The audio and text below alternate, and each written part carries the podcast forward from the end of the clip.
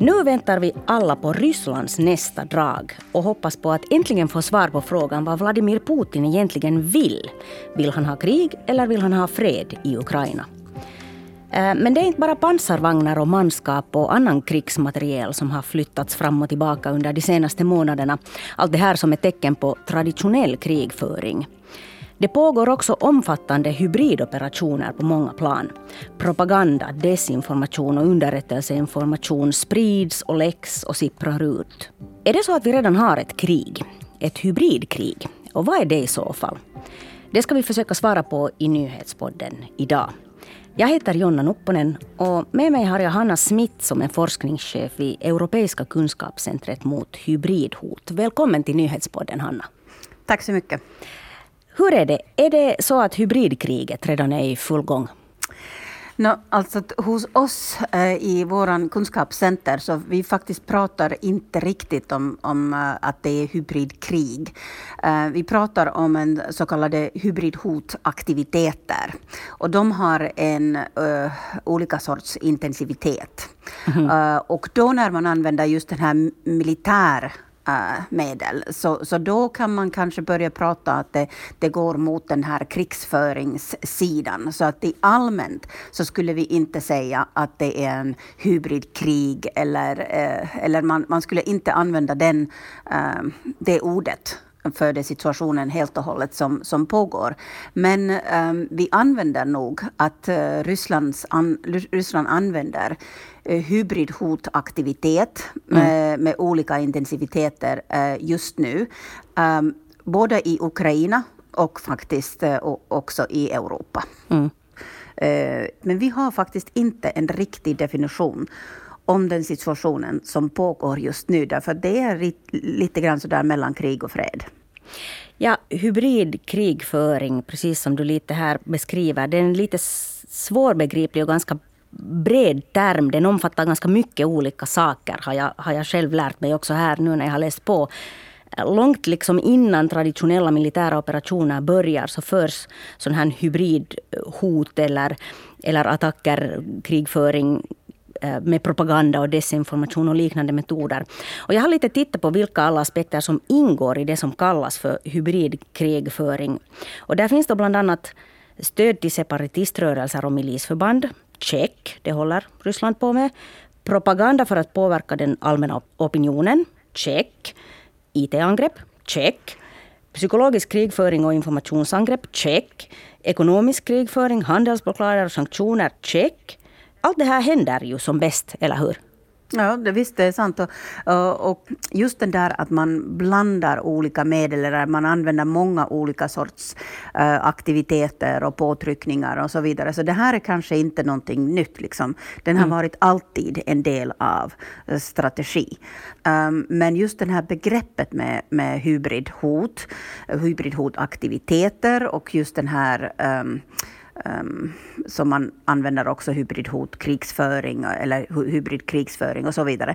Det har kommit för vår, liksom, vi har börjat att prata om det då när uh, Ryssland tog uh, Krim från Ukraina.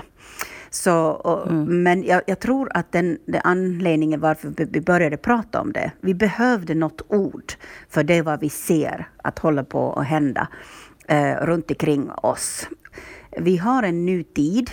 Alltid när, uh, liksom i historiskt sett, alltid när vi lever något nytt tid och nu, um, nya saker kommer in, uh, in till våra säkerhetsområden liksom, och så vidare, så behöver vi ett nytt begrepp. Och nu mm. har vi kommit på det där hybridhotaktiviteter eller, eller då kanske ibland när det är en, stark militär Eh, medel med en så hybridskrigföring. Mm. Så, så det är därför vi har börjat att prata om det här och därför det är lite svårt. Det skulle vara lättare till exempel om man, skulle, man använder just det här kalla kriget. Till exempel alla sa åh nu vet vi vad det är det gäller. Mm. Men faktiskt om man börjar titta liksom att vad är detaljerna i kalla kriget och allt sådär. Så då hittar vi liknader och skillnader. Och därför behöver vi begrepp för den tiden som vi lever just nu och det sättet hur eh, särskilt auktoritäriska länderna agerar mot demokratiska länderna idag. Så det här är nu någonting som vi måste börja lära oss vad hybridhot och hybridpåverkan och eventuellt till och med hybridkrig betyder. Precis som du sa så kanske den stora allmänheten börjar höra talas om de här orden då 2014 när Ryssland erövrar Krim och när det här kriget i östra Ukraina också börjar händelserna duggar ju tätt just nu och det verkar som om de kommer vara tätare och tätare. I, igår kom det uppgifter om cyberattacker mot Ukraina. Försvarsministeriet och två banker utsattes för sådana här överbelastningsattacker. Och bara en månad tidigare utsattes den ukrainska regeringens datanätverk för en riktigt allvarlig och massiv cyberattack. Eh, det var också flera andra myndigheter och ministerier som, som utsattes då. Och det dök upp sådana meddelanden på sidorna där på ryska och på polska och på ukrainska. Och där stod det ”Var rädd och vänta på det värsta”. Det antas ju nu då att Ryssland ligger bakom båda de här attackerna. Men, men vad, vad har Ryssland uppnått med sådana här cyberattacker? nu faktiskt ganska mycket, så att säga. Att uh, hela västvärlden uh, håller på att uh, liksom försöker att stödja Ukraina men samtidigt vara rädd för att eh, någon stor riktig krig så, så skulle börja. Uh, ukrainarna uh, är väldigt rädda hela tiden. Och den situationen när alla är rädda och försöker att göra någonting åt saken. När så man är man måste kanske hela inte så fiffig. Nej, mm. men att, och just det där att då liksom om Ryssland säger att de vill förhandla som vi tyckte eh, förut, det finns ingenting att förhandla över. Men nu är det någonting att eh, förhandla över, därför att situationen är vad det är. Ryssland har fått, ganska, även fast det verkar så att den skulle ha inte riktigt fått någonting. Så den har fått den här att vi, vi har liksom vaknat upp. Ryssland är helt plötsligt väldigt, väldigt viktig mm. uh, igen i europeiska politik. Också USA måste koncentrera sig väldigt mycket, mycket om Europa och Ryssland.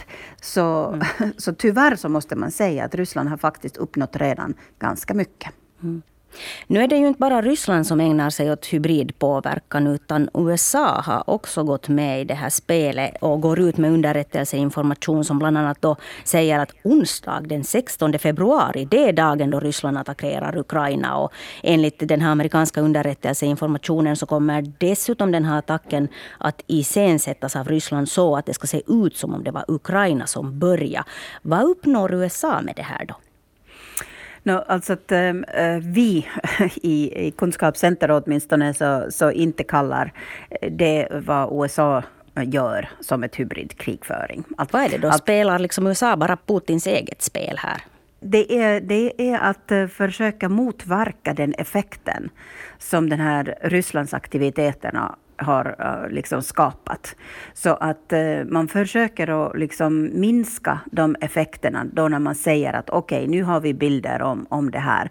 Även fast det skulle vara en gissning vad de där trupperna skulle till slut göra, därför att det är underrättelsebilder. Eh, de faktiskt inte, de pre presenterar en uh, bilder som är på riktigt. Mm. Och sen de har bara en tolkning över den här bilden. Så vi ser den där riktiga bilden. Och sen om deras tolkning är fel, liksom på det sättet att eh, okej, okay, Ryssland inte attackerade. Eh, än så länge idag har de inte gjort det. Och eh, vissa trupper har redan liksom tagits eh, ehm, bortåt från den här gränsen. Så att okej, okay, den tolkningen att man kan använda dem trupperna för att attackera Ukraina, den var rätt. Men att man säger att nu det ser ut så att de attackerar just precis eh, onsdag eh, den 16 februari. Så där var deras tolkning kanske fel. Men, men den är inte liksom på det sättet att de skulle ljuga. Men det var deras tolkning som var fel. Just det. Oj, oj, man måste bli militärstrateg här för att, för att på något sätt hänga med i det här känns det som. Det är lite grann så där att det är inte, det är inte lätt alls eh, längre.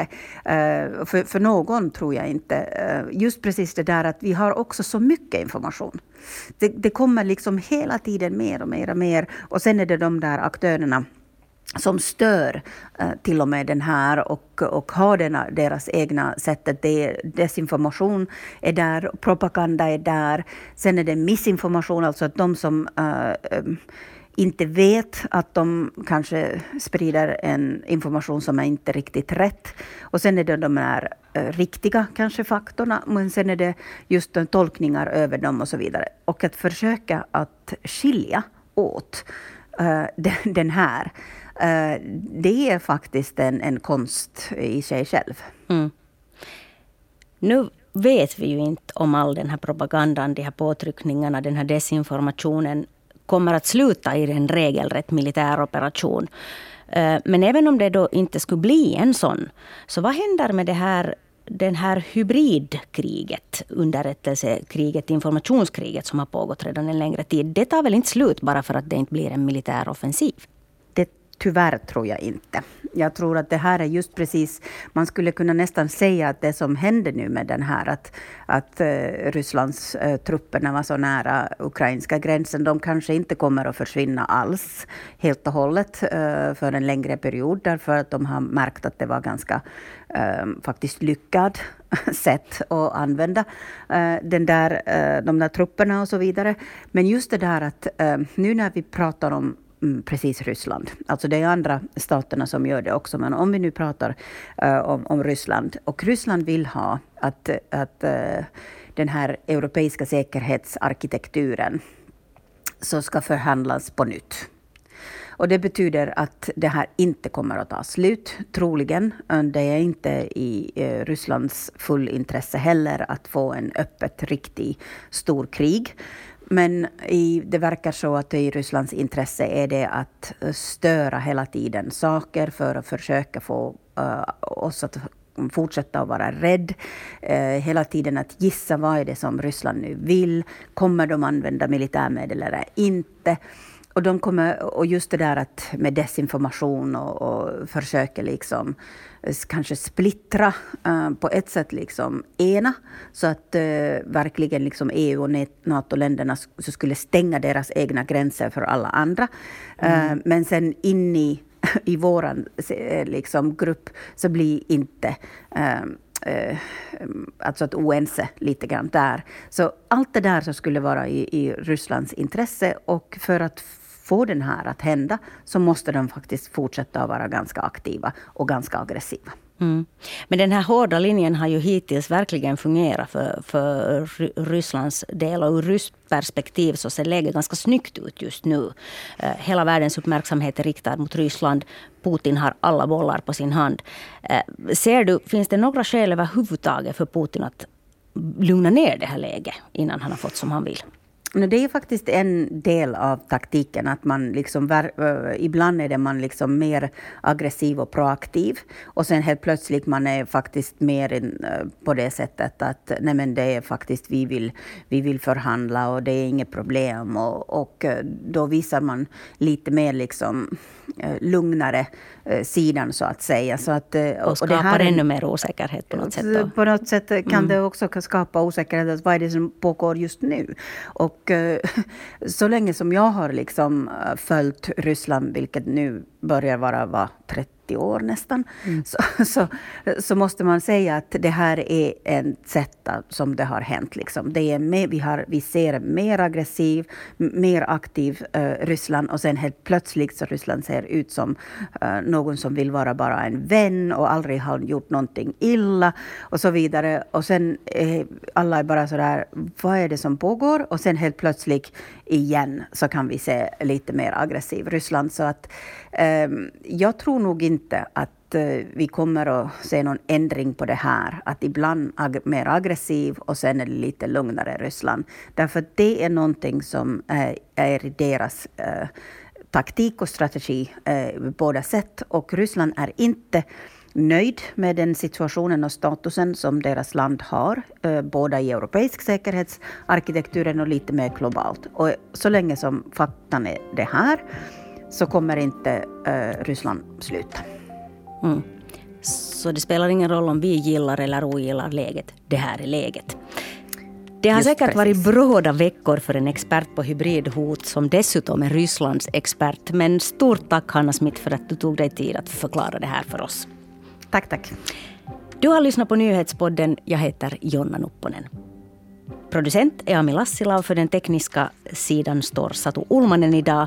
Fortsätt lyssna på oss.